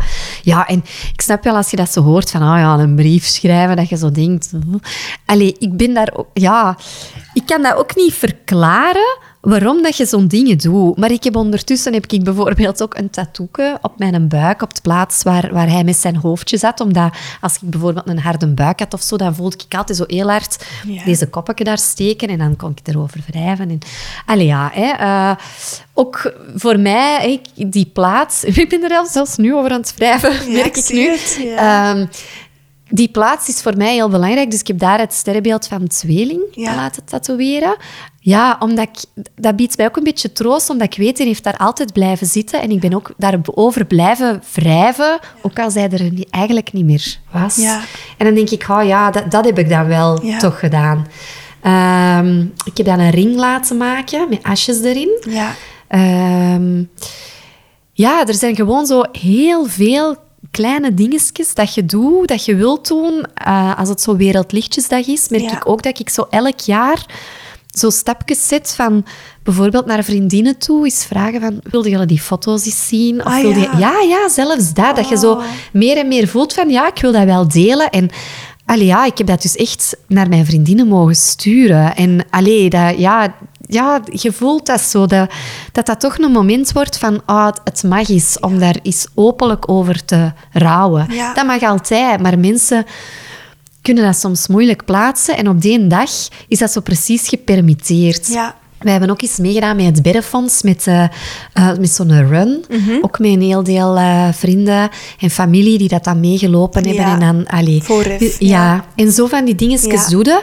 Maar ja, uw vraag was eigenlijk wat dat je doet tijdens die eerste maanden om toch uit je bed te komen en zo. Ja, je kunt niet anders, want ik was en sterrenmama, maar ook nog mama. Mhm. En dat denk ik...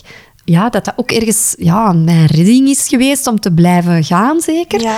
Maar ehm, ja, je zit enerzijds met en die rouw en die blijdschap. En dat is moeilijk om dat een plaats te Ja, geven. Dus die zijn psychologen... zo twee ja. extreme gevoelens. Ja. Dus, die, dus mijn psychologen heeft mij geholpen. Ja, eigenlijk mijn huisarts ook, door gewoon geen druk op mij te leggen. Want ik dacht elke keer van, oh nee, fuck, ik moet weer naar de huisarts en ik wil nog niet terug gaan werken. Ja. Want ik dacht echt oprecht, ik wil nooit niet meer gaan werken. Laat mij hier veilig met mijn babytje forever. En eigenlijk elke keer antwoordde die van, dat is oké hoor. En, en die, maar die zei ook wel van, dat komt wel. En toen dacht ik, ja, ja, zal wel, maar dat kwam ook wel. Ehm, er was wel ineens een moment dat het wel terug ging, dat ik terug meer open stond voor, eh, Voor andere dingen Voor andere alleen, dingen. Allee, ik kan niet zeggen dat ik geen plezante dingen heb gedaan. Dat is wel. Wij gingen op restaurant, wij gingen eten, wij gingen, allee, wij, wij, ons leven ging ook verder. Hè, maar ja, dat is... eh, ja. Wauw. Ja, dat is raar. En ja, ik heb er straks over het paaldansen verteld. Als in de zin van, ik ben daar toen mee begonnen tijdens dat fertiliteitstraject om terug contact met mezelf te krijgen. Als vrouw, als ik ben meer dan, dan, dan iets dat niet lijkt te werken en een zwangerschap dat maar niet lijkt eh, te komen. En ik ben... Allee, dat is niet zuiver een acrobatische paaldans dat ik doe. Dat is eigenlijk een combinatie van, ehm, van ook, ja, een- ja, ik noem dat eigenlijk een soort van taal van bewegingen die dat je leert, waaronder trucjes aan de paal, want dat geeft u echt een gevoel van power en oh my god, ik kan de wereld aan. Maar ook door te bewegen op de grond of tegen de muur of in de zetel. Of, allee, geeft dat ook het gevoel van, van ik ben kwetsbaar en ik ben, en ik ben, allee, ik ben breekbaar. Een combinatie ervan, ehm, ja, allee, van al die bewegingen zorgt er dus voor dat je een taal krijgt en dat je eigenlijk eenders welk lied dat tot u spreekt, dat je er gewoon kunt op beginnen Dansen. dansen. Ja. Dat is zo krachtig en dat is ook heel krachtig geweest in mijn ja, proces om daarmee te leren omgaan met dat verdriet. Ik heb echt een paar keren tijdens de lessen kunnen dansen op muziek die voor mij een heel grote Ja. betekenis had, die heel hard gelinkt was aan, aan Riv en, en, en aan dat gevoel en, en aan dat verlies. En het was eigenlijk ook heel schoon om dan ook die andere vrouwen bij ons in de les, ja, die hadden direct door Ja. over wat dat het ging. Daarom niet met expliciete teksten, maar gewoon De door... ruimte was er. Ja, en hoe dat je danst en welk gevoel dat je overbrengt en wat dat je erin legt. En al is dat een liedje over liefdesverdriet, maar dat verdriet dat je gewoon kunt vertalen naar een andere situatie en tekst die dat misschien niet helemaal klopt, maar gewoon al ene zin. Ja. Ah, ik- ja, dat is ook echt zo krachtig geweest. Dat, dat, dat heb ik nog altijd. Als ik de nood voel om iets te verwerken op die manier, dan kan dat in die lessen dat Ja. ik doe. Ja, Wauw. ja. Wat een mooie manier. Ja. En ik heb ooit, want er was een mama van school eh, een kindje verloren toen dat, dat kindje een, een jaar en een half was, denk ik. En die had een liedje geschreven. En ik heb dat liedje ooit eens meegenomen ook naar de les. En dan heb ik ook daarop gedanst, na de les. En dan heeft mijn lesgeefster dat gefilmd. En Mhm. Ja. heb ik dat eigenlijk aan die mama bezorgd van... Ja. Kijk, dat heb ik gedaan met je liedje. Ja, hè, om... om allee, ja. Ja, en die vond dat allee, ook heel, allee, heel tof dat ik dat gedaan had. Ja, Knap dat je zo'n manier hebt om, om met al die grote emoties om te gaan. Hè? Ja, ik denk dat iedereen... Iedereen heeft zijn eigen Ja. manier en dat is wat Ja, zoeken soms van wat werkt voor mij. Maar het is heel duidelijk dat die, dat die dans, die beweging, dat dat een soort therapie voor jou ook is. Hè? ja, ja. Mooi. Maar dat is ook, je doet dat wel op die momenten, maar het is wel achteraf dat je zo pas beseft van, ah ja, dat heeft eigenlijk wel Geholpen, zoveel ja. gedaan. Ja. Ja. En had jij een vroedvrouw die jullie thuis verder opvolgde? ja, Ja. Heb je daar veel aan gehad? heel veel. Ja? ja, ja, die zit ook echt in mijn hart. Ja. ja, en een tweede keer als ik van Liv bevallen ben, was die er ook. En kwam die ook ineens Ja. binnen. En dat was eigenlijk, ah, dat was zo'n vertrouwd iemand, zo uw, ja, uw rots in de branding. Oh. ja. Want was het voor jullie rap duidelijk na de geboorte van Riff en Thor dat jullie voor ja, een derde kindje samen Ja, wouden gaan? Of had jij iets van... Een van de dingen dat Bart echt tegen mij zei, en ik denk echt dat het op de dag van de traumatische geboorte, zal ik het zeggen, zelf was, was we zullen er nog eentje maken. Ja. Gewoon omdat je bent zo ingesteld op die twee. Ja, je hebt plaats gemaakt voor Ja. die twee. Ja. Maar ja, die twee gaan nooit... Nee. Nee, dat gaat ook nooit zij, verva- vervangen. zij vervangt... eh, dat gaat niet. Maar je denkt dat nee. wel. Ja. Je denkt dat dat is een wel. hele logische reactie ook, hè, als eerste reactie. Dat is kei raar. Maar wij hebben zelfs, toen ik zwanger was, gedacht... Ja, als het een jongen is, we gaan die terug Rif noemen. Want wij vonden dat ook zo'n mooie naam. Ik heb, allee, ik heb daar nog moeite mee dat ik die naam niet kan zeggen. Ja. Vol, allee, vol trots. Dat is verkeerd, maar ja... Ja, gewoon ja. dacht Of, dat, ja. of vol non de door, Rif. Of zo. in al zijn contexten. Ja, in alle contexten, ja. Ja. ja, snap ik. Ik vind dat wel mooi dat je dat zegt ook. Ja, dat is spijtig. Ja. Maar jullie waren dus zwanger van een dochter, die tweede keer. Ja, ja, ja. Was dat Ehm, ergens dan een, een, een, een opluchting voor jou of eerder een teleurstelling? Ja, eh, ja. Ik dacht vroeger altijd, ik wil meisjes. En vanaf dat ik dan een jongen had, allez, of twee jongens had, wou ik precies alleen maar jongens. Ja. Hè? Dan dacht ik... En ook denk ik misschien omdat ik zo wel nog altijd wel in dat gevoel zat van vervanging. Ja. Maar echt, ja... Ik wilde ook een paar maanden later al beginnen. Hè? Dus de eerste keer eh, dat ik bij de gynaecoloog was geweest, dat is na x aantal weken, weken. ja. Hè? En dan had ik een afspraak, denk ik, drie maanden later bij de fertiliteitsdokter. En ik dacht, oké, dat is goed. Hè? En ik heb, ik heb nog niet mijn regels gehad, dus dan kan ik beginnen. En, en, en. Zo, ik wou wel beginnen, beginnen, Ja. beginnen. Want we hadden er nog vijf in een diepvries. En, En, eh, wat wou Bart? Ehm, ja, die, die, dat weet ik niet. nee, nee, die steunde, die steunde zijn zotte vrouw. Ehm, nee, die was daar wel zeker oké mee. Die voelde dat verlies ook. En Ja. ik denk, ja, ja, ik denk dat hij dat vooral mij ook niet wilde afnemen. Ja, ja. Allee, ja. Dus ja, dan zijn wij voor die tweede gegaan. Hè. En dan eigenlijk vanaf de tweede terugplaatsing ja, was het al in orde. Ja. Ja, dus eh, ik was super blij. Hoe was die zwangerschap? Daar weet ik dus minder van dan van mijn eerste zwangerschap. Ik had heel een tijd zoiets van, ah ja, ik wil hiervan genieten, ik wil hiervan genieten. Maar ik zag zo precies de weken maar voorbij gaan.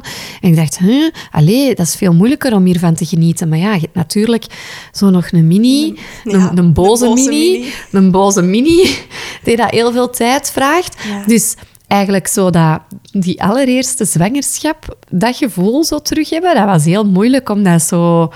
Ja, dus eh, ik, wou, ik zat heel de tijd te focussen op ik wil, ik moet genieten. En het kwam Ja. zo niet. Ja. Maar ja, En ik, was jij ondertussen aan het werk of was jij thuis? ik was toen terug aan het werk. Ja, En had jij tijdens die zwangerschap van Liv dan veel meer angsten Ja. in vergelijking met de zwangerschap van de jongens? ja, ja. Onbezorgd zwanger zijn, ik vind dat stopt eigenlijk de moment dat je je eerste miskraam hebt gehad. Ja. Of de eerste keer dat er iets misloopt, dan is dat zo een ballonnetje dat doorprikt is.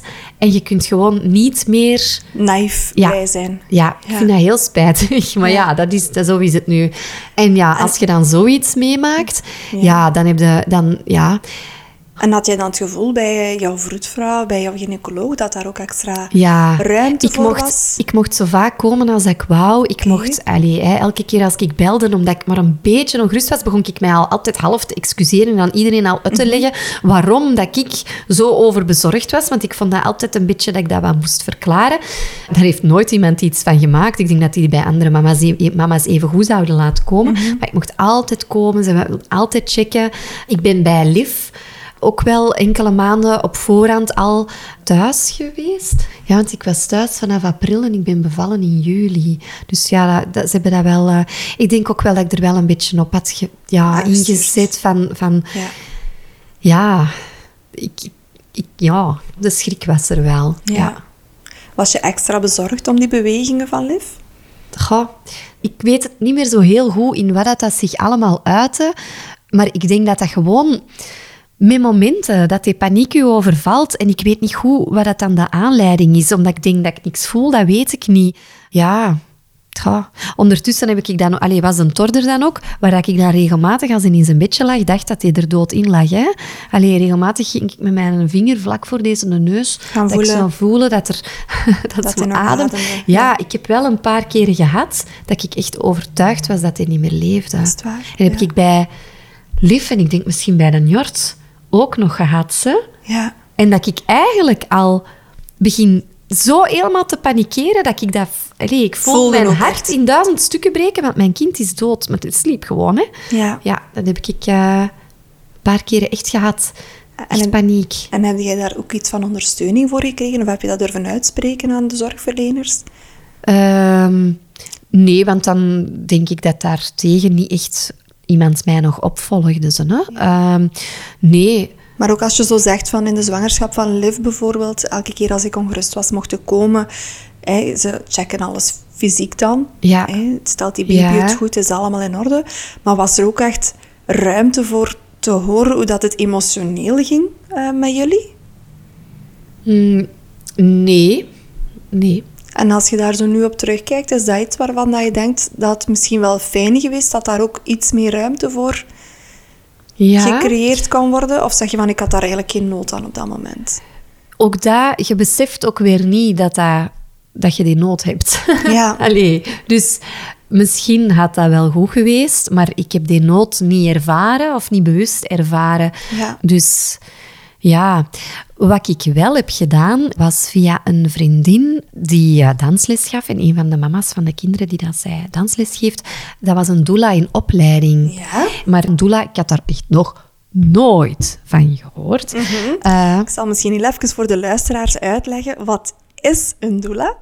Doula is eigenlijk afkomstig van het Grieks en betekent letterlijk dienende vrouw. Het is eigenlijk een vrouw die opgeleid is om ouders te ondersteunen in de emotionele en fysieke begeleiding tijdens de zwangerschap, de geboorte, maar ook de postnatale periode.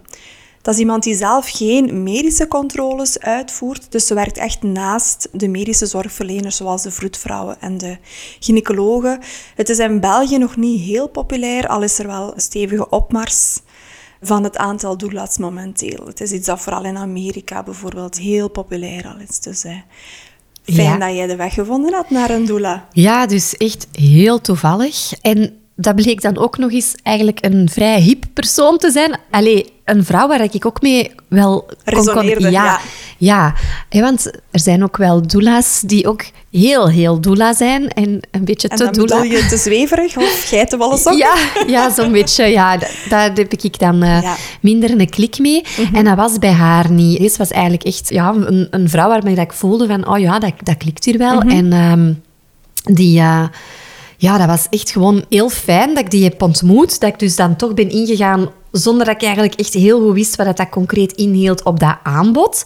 En ik heb dankzij haar ook echt een prachtbevalling gehad. Van Liv. Van Liv. Ja, want je hebt haar leren kennen in de zwangerschap dan. Weet je nog hoe ver dat je ongeveer was eh, in die zwangerschap? Ik denk dat ik een eerste gesprek met haar heb gehad in februari en ik was uitgerekend voor juli. Ja. Dus iets voorbij de helft. Hè? Ja, oké. Ja.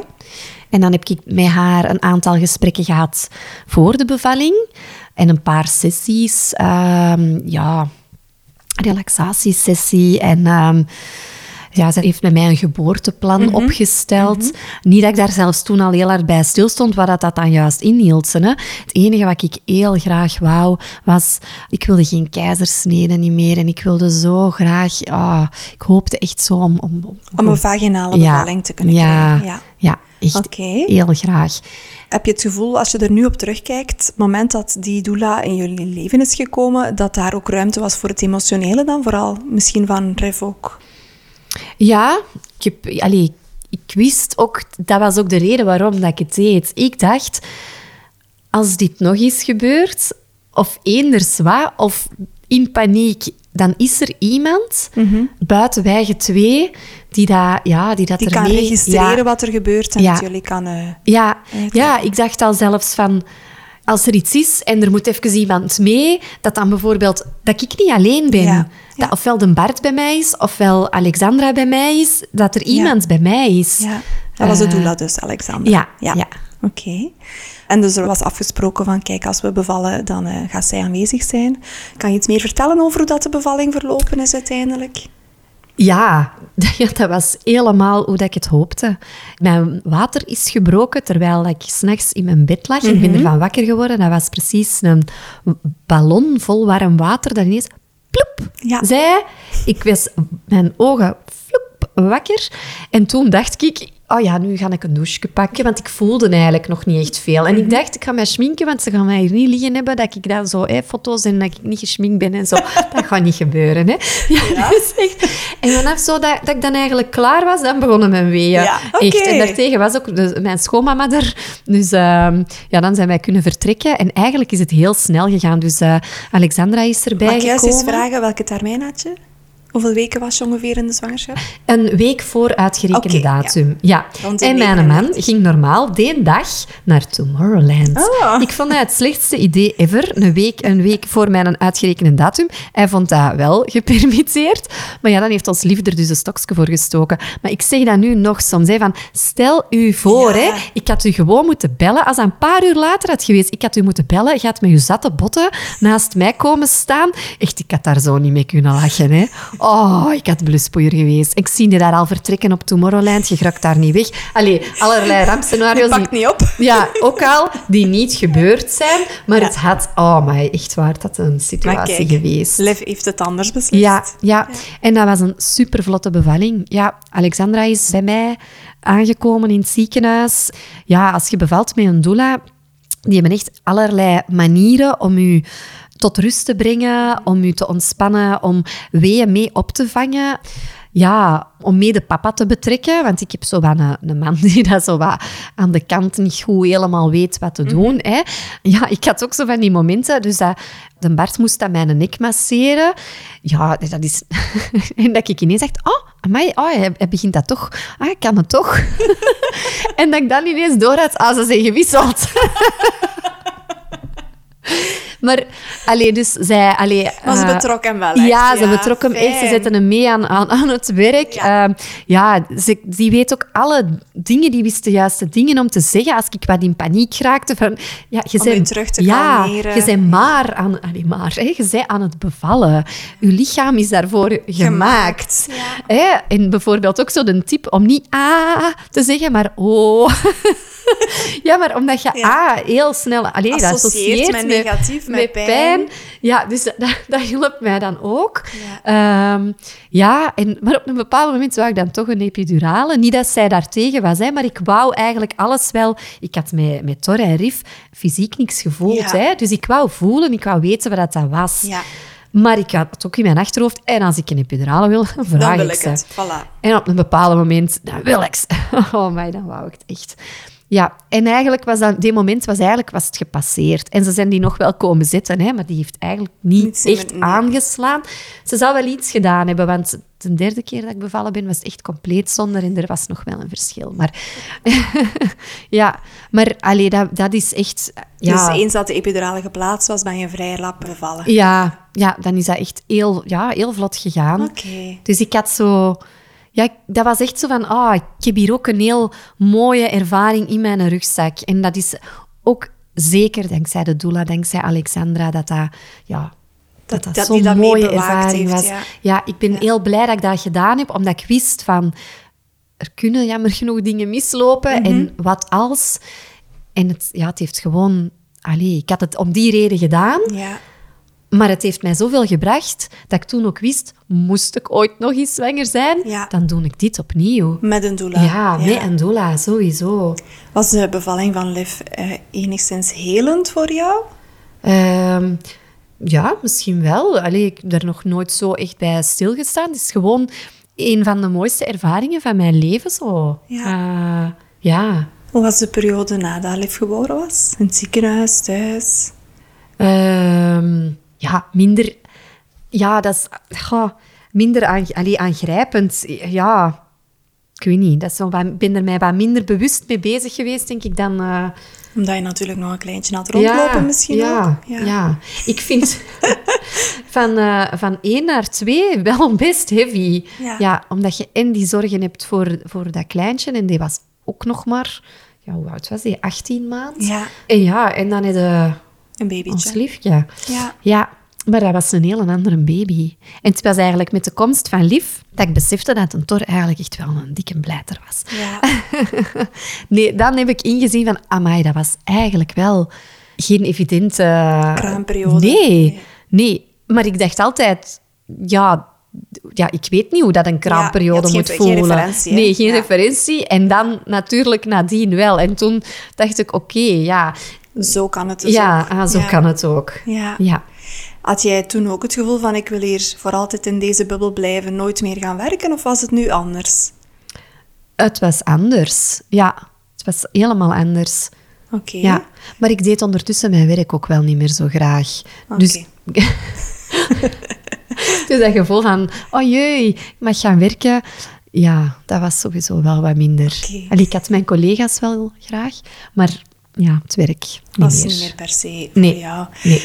Eh, en na Liv is ook nog Njord gekomen. Ja. Was dit, eh, was dit Ja. iets wat jullie op voorhand eh, over gedroomd hadden? Wat dat jullie wens was? Of? Nee, ehm, nee, Njord was een absolute verrassing voor ons allebei. Dus dat was dat medisch mirakel. Ja, ja. Maar exact, hè. ik werd een van de verhalen die dat mensen vertellen aan vrouwen die bezig zijn met fertiliteit, om die te troosten. Het verschrikkelijkste verhaal dat je kunt horen als je bezig bent met fertiliteit is, ik ken iemand die, Ja. echt waar. Ah, ja, maar hé, de die, ja, zeg, en alleen, die waren ermee gestopt en poef, Ja. ineens was die zwanger. En, allee, echt Ja. waar, dan dacht ik altijd bij zo'n verhalen, ja, oké, zal wel. Maar dat ben ik niet. Dat ben ik Ja. niet. Ik ben Fabiola. En ja, ja, ik heb mijn eigen echt heel vaak koningin Fabiola gevoeld. en ehm, ik dacht altijd, ja, dat, dat is bij die mensen. En wat moet ik hiermee? Ja. Maar ik ben dus wel echt zo'n verhaal geworden. Ja, ik nam niks meer van hormonen, omdat ik ook dacht, ah, echt waar, die rommel, ik heb het gehad voor de rest van mijn leven. Ja, de Bart en ik, ja, die, ja, die voorraad condooms dat ik toen in de tijd had gekocht, terwijl het helemaal niet nodig had, was. Ja, die lag daar dan ook maar te verkommeren, die, die gebruikten we toch niet. En ehm, ja, ik had er niet zo bij stilgestaan dat ons dat echt kon overkomen. Maar dus, eh, ik was die dag nog naar de gynaecoloog geweest en ik zat in die wachtzaal zo te kijken naar die mama's met die buikjes. En denkende, oh, en dat is nu voorbij voor mij. Ja. En ehm, ik zit binnen bij de gynaecoloog en die kijkt en alles is oké. Ja, was gewoon jaarlijkse controle. En ik zeg nog, ik zeg, ah, ze biedt, zei die zo, oei. Hè? Ja. En die zo, dat gaan we niet meer doen. Hè? Ik zeg, ja, ik weet niet. Heb ik toen nog Ja. geantwoord? Ik maak aan de balie mijn nieuwe afspraak voor het jaar daarna. En ik zeg nog tegen die madame, hè, want ja, die kennen mij daar allemaal wel een klein Ja, beetje door al wat er gebeurd is. Van, zeg aan mij, ik zeg, oh, dat is toch wel confronterend dat je zo weet, ah, ik kan hier nooit niet meer zijn voor die reden. Twee dagen later denk ik, eigenlijk is mijn cyclus nu wel heel lang aan het duren. En de Tor was bij ons in bed meegesprongen en die duwt op mijn buik. En ik zeg, ah. En met dat ik A zeg, denk ik, hmm. Eigenlijk, ja, inderdaad. Ik ga eens een testje doen. Ik had er nog één liggen. Ik rap naar het toilet, maar ik had dat niet gezegd tegen een Bart, want ik voelde mij al belachelijk dat, Ja, dat ik dat, ging dat doen. ja. Dat ik dat zou kunnen denken. Dus ik doe dat testje. Maar ja, hè, daartegen kwam hij ook naar de badkamer. Dus ik heb dat testje in de schuif gezwierd, schuifje toe. Hè, ja, maar kei benieuwd. Maar ja, hè, ehm, allee, ja, die was dan naar de bakker vertrokken. Heb ik nu, voordat hij vertrokken is of niet, dat schuifje terug open gedaan. En, ja, en ik zag dus een tweede streepje. Amai. Geen kei duidelijk, hè? Maar Ja, ik maar was, ondertussen ja. getraind in het Ja, ja, ja. zien van eventuele lijntjes. En je mocht normaal zelfs niet zien waar dat, dat lijntje eventueel zou kunnen zijn. En ik zag dat. En ik dacht, oh, Allee, hoe is deze nu mogelijk? Wow. En, en de Bart kwam thuis van de bakker en toen? Ja, ik, nee, ik heb eerst, eerst naar een vriendin gebeld. En ik zei, ik zeg, eh, ik heb hier iets voor, hè. Ik zeg, wat moet ik doen? Ik kan dat toch niet tegen de Bart zeggen? Ik moet toch eerst nog een test doen en dat 100% zeker weten? En ik was wat half in paniek. En die zei, ja, maar je kunt dat toch niet niet zeggen? Maar dat was dus echt mijn idee. Ik ga gewoon subiet heel normaal doen. En ik ga gewoon subiet naar een supermarkt die open is op zondag. En ik ga mij daar een test en ik doe nog een. Maar ja, dat ik dan had opgelegd, dacht ik, ja, nee, dat gaat niet. Dus ik kwam thuis en ik zeg, ja, ga eens even zitten. niet verschieten, ik denk dat ik zwanger ben. En het is niet waar. Ja, ik denk het echt wel. Ja, ik ben dan dus echt nog naar die supermarkt gereden waar ze uitverkocht waren. Dus ik ben dan ook nog eens naar de tweede supermarkt gereden. Maar dus ja, ook die tweede Positief. test was Ja. positief. Maar de Bart heeft een minder getraind oog in het zien van eventuele streepjes. Dus hij was echt zo in test. Ja, maar... Toch ja, maar misschien allee, niet, ja. hè, zo, Ja. ja, dat is toch nog... Zeg, Bart, echt, dat mag daar niet staan en daar staat iets. Ja, die dag zijn wij dan nog met diezelfde vrienden als eh, waar ik naar gebeld had, iets gaan drinken. Het was keigoed weer. Het was een dag dat ik terug moest, de dag daarna, het was ten 1 september, om, om terug te gaan werken. En eh, ja, ik herinner mij die dag wel hoe euforisch dat Ja. ik was, maar ook wel ergens van, ja, maar de kans dat dat ook van zijn eigen, dat dat niks is en dat dat stopt en dit en dat. Maar ja, dus moest ik wel de dag daarna naar mijn gynaecoloog bellen en zeggen, ja, weet je nog, vorige week?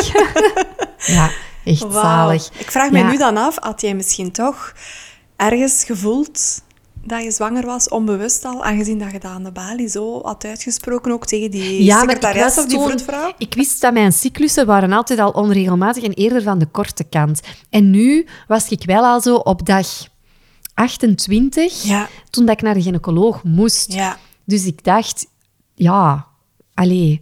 Maar het was niet in u opgekomen, misschien ben ik... Nee, nee, dat, niet, niet. Want anders Nee. had ik misschien echt wel gezegd van, oh, maar ik...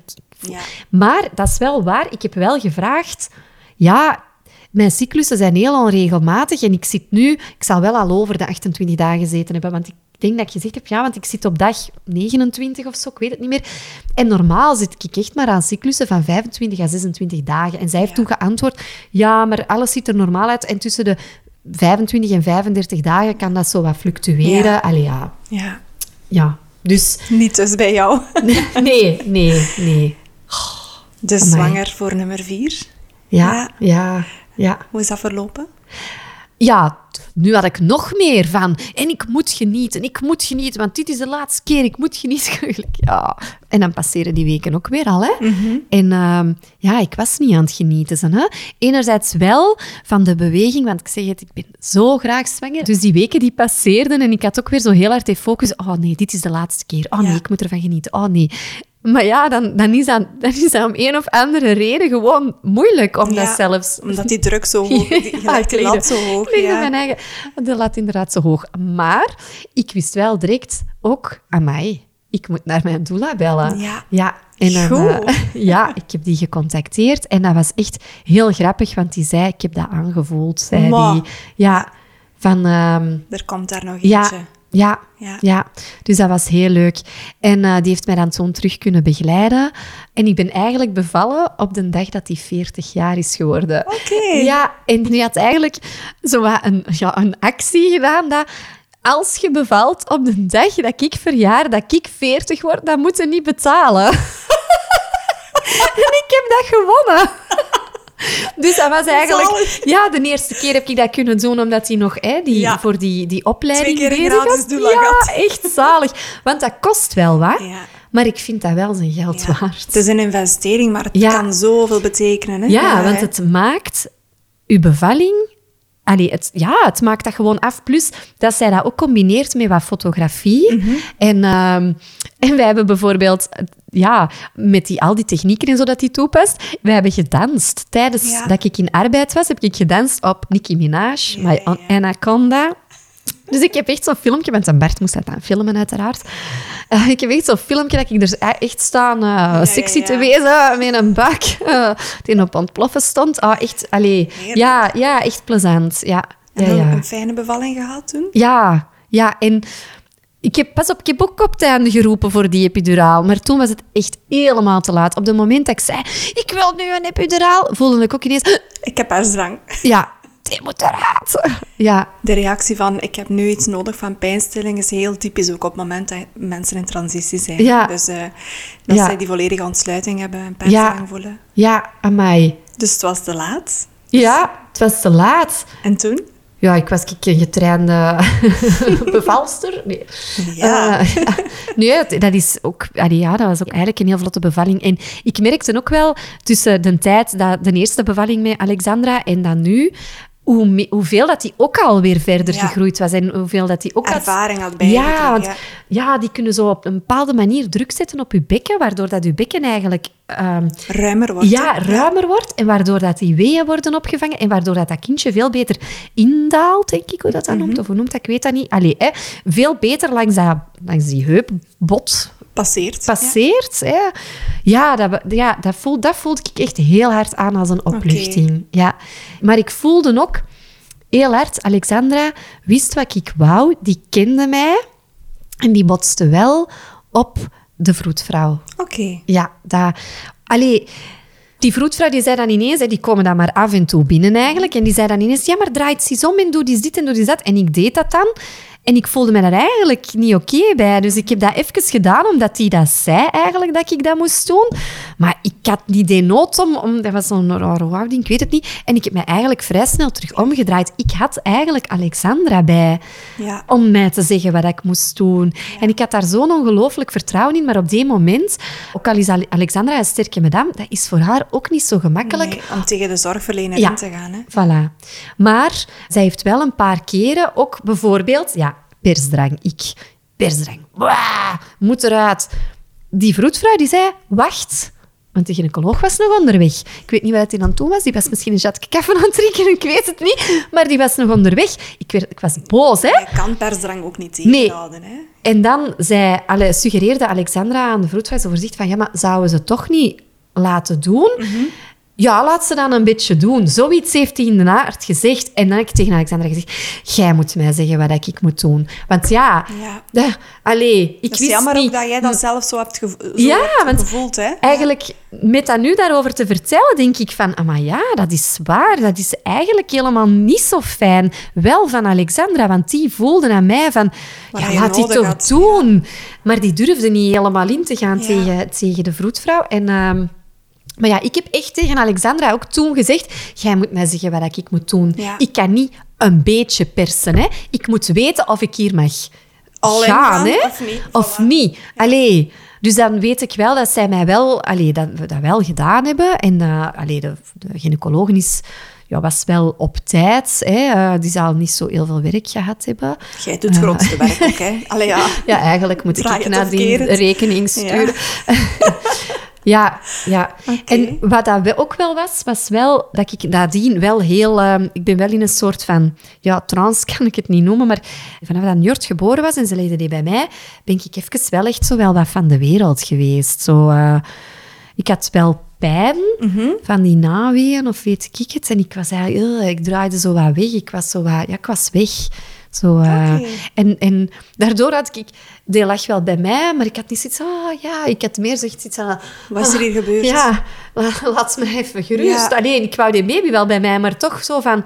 ah, wat is deze? Wat is, Ja. wat is er hier eigenlijk allemaal gebeurd? Ja, Dat toch wel wat overspoeld heeft eigenlijk. Ja. ja, Oké. ja. We hebben geen tijd meer. Oh, sorry. Dat is niks. We zijn er bijna. Elve, mag ik jou heel erg bedanken voor deze mooie verhalen. Allemaal op hun eigen unieke manier. Eh, Ja. Heb je toch vier prachtige kindjes gekregen. Eh, het was geen gemakkelijke rit, hè? Nee. Maar, eh mai, chapeau. Chapeau dat je er ook zo transparant over vertelt, over praat. En ik hoop dat het andere luisteraars kan helpen ehm, in hun eigen treinrit en ervaringen. Oh. Is er nog iets wat je graag wilt toevoegen? Ehm, ja, ik vind dat vrij... Ik ben inderdaad een open persoon, maar ik vind dat ook ehm, een hele eer dat jij mij dit gevraagd hebt. En ehm, ik vind dat heel fijn om te horen dat je zo het gevoel hebt van het zou misschien wel mensen kunnen inspireren. Dus dat vind ik ook heel tof om te horen. Ja, ben denk ervan als- overtuigd. ja, ik denk wel natuurlijk dat het belangrijk is als je, als je ja zegt op een podcast, om wel ook al in te gaan. En ja, Maar toch, het is niet evident. Het is heel kwetsbaar. hè. ja, ik heb toch die doelzakdoekjes toch even kunnen gebruiken dat hier stond. Dus ja, je bent met momenten sterk om erover te vertellen en met momenten niet. En het doet mij ook wel deugd om dat eens te kunnen vertellen, want dat is zo'n verhaal. Allee, bedoel... Dat, dat doe je niet gemakkelijk, Nee, hè? Ah, en pas op, mensen vragen heel vaak van... Ah, en hoeveel kindjes heb je? En ik vind dat altijd zo'n moeilijke vraag. Ja. Want ik hoor u hier een paar keer zeggen, vier kinderen, vier kinderen. En ik denk heel de tijd, ja, eigenlijk drie, hè? Ja. Allee, ja. Vind je dat moeilijk als ik dat zeg? Ja, ik weet nooit wat dat mensen daar dan mee bedoelen. Want het kan ook zijn dat jij dan de scène erbij bedoelde. Ja. Allee, hè, dus dat, is, dat blijft zo... Ja. Hè, maar ja, dat is dan... Allee, als pluszoon tel ik, tel ik die in dat opzicht niet, niet echt mee. Hè. Ehm, maar ja, ik, dat, dat blijft een moeilijke. Ja, ik kan Om- me ook voorstellen als mensen nu aanspreken inderdaad en die vraag stellen. Ja, dat het ervan afhangt hè, van wie is dat dat mij dat vraagt. Eh, Ja. Staat hij ervoor open als ik ook over RIF praat? Ja. Of eh, wilt hij gewoon alleen maar horen over de kinderen die ze hier ziet rondlopen? Ja, wel, ik vind dat, nog-? Ja, ik vind dat, Ja. ik vind dat heel moeilijk. Niet alleen over het soort persoon, maar ook weer naar RIF toe. Zo die kleine dingetjes dat je zo doet, om, omdat je hoopt van, dat komt nog aan. Ja. Denk je van, ja, als ik die ga doodzwijgen, dan... Mhm. Ja, hoe, hoe dood kun je dan zijn, hè? Mhm. Allee, dus... Eigenlijk is er niemand zo aanwezig als een kindje dat er niet is. Hè. Ja, Wordt ja. vaak gezegd. Hè. Amai, Ja. mooi. Maar allee, dus heel graag gedaan. En, eh, Dankjewel, Elve. Echt super mooi. En eh, ook een heel mooie eerbetoon aan RIF, denk ik. Hè. Ja, dank je dat ik dat mocht doen. Met plezier. Zoals je kon horen, kwamen we in tijdsnood waardoor we vrij plots moesten afronden. Elve wou graag nog meedelen dat het hartverwarmend was om eens haar volledige verhaal te mogen delen. Dank aan de mensen die hen bijstonden in de moeilijkste periode van hun leven. Dank aan het Berrefonds voor de koesterkoffer en de steun die ze nadien mochten ervaren. Dank ook aan de doula die op haar pad kwam. Dank aan de vroedvrouwen die foto's trokken. Ondertussen is er een mooie organisatie, Boven de Wolken, die de meest prachtige foto's maken van een sterrenkindje. Als je benieuwd bent wat ik voor jou kan betekenen, check dan zeker mijn website. Wil je de podcast helpen groeien? Abonneer je dan en geef een review. Als je hem deelt op sociale media, vergeet me dan niet te taggen. Op die manier kunnen meer mensen de podcast vinden. Je kan me terugvinden op Instagram via Buikgewoel. Bedankt om te luisteren.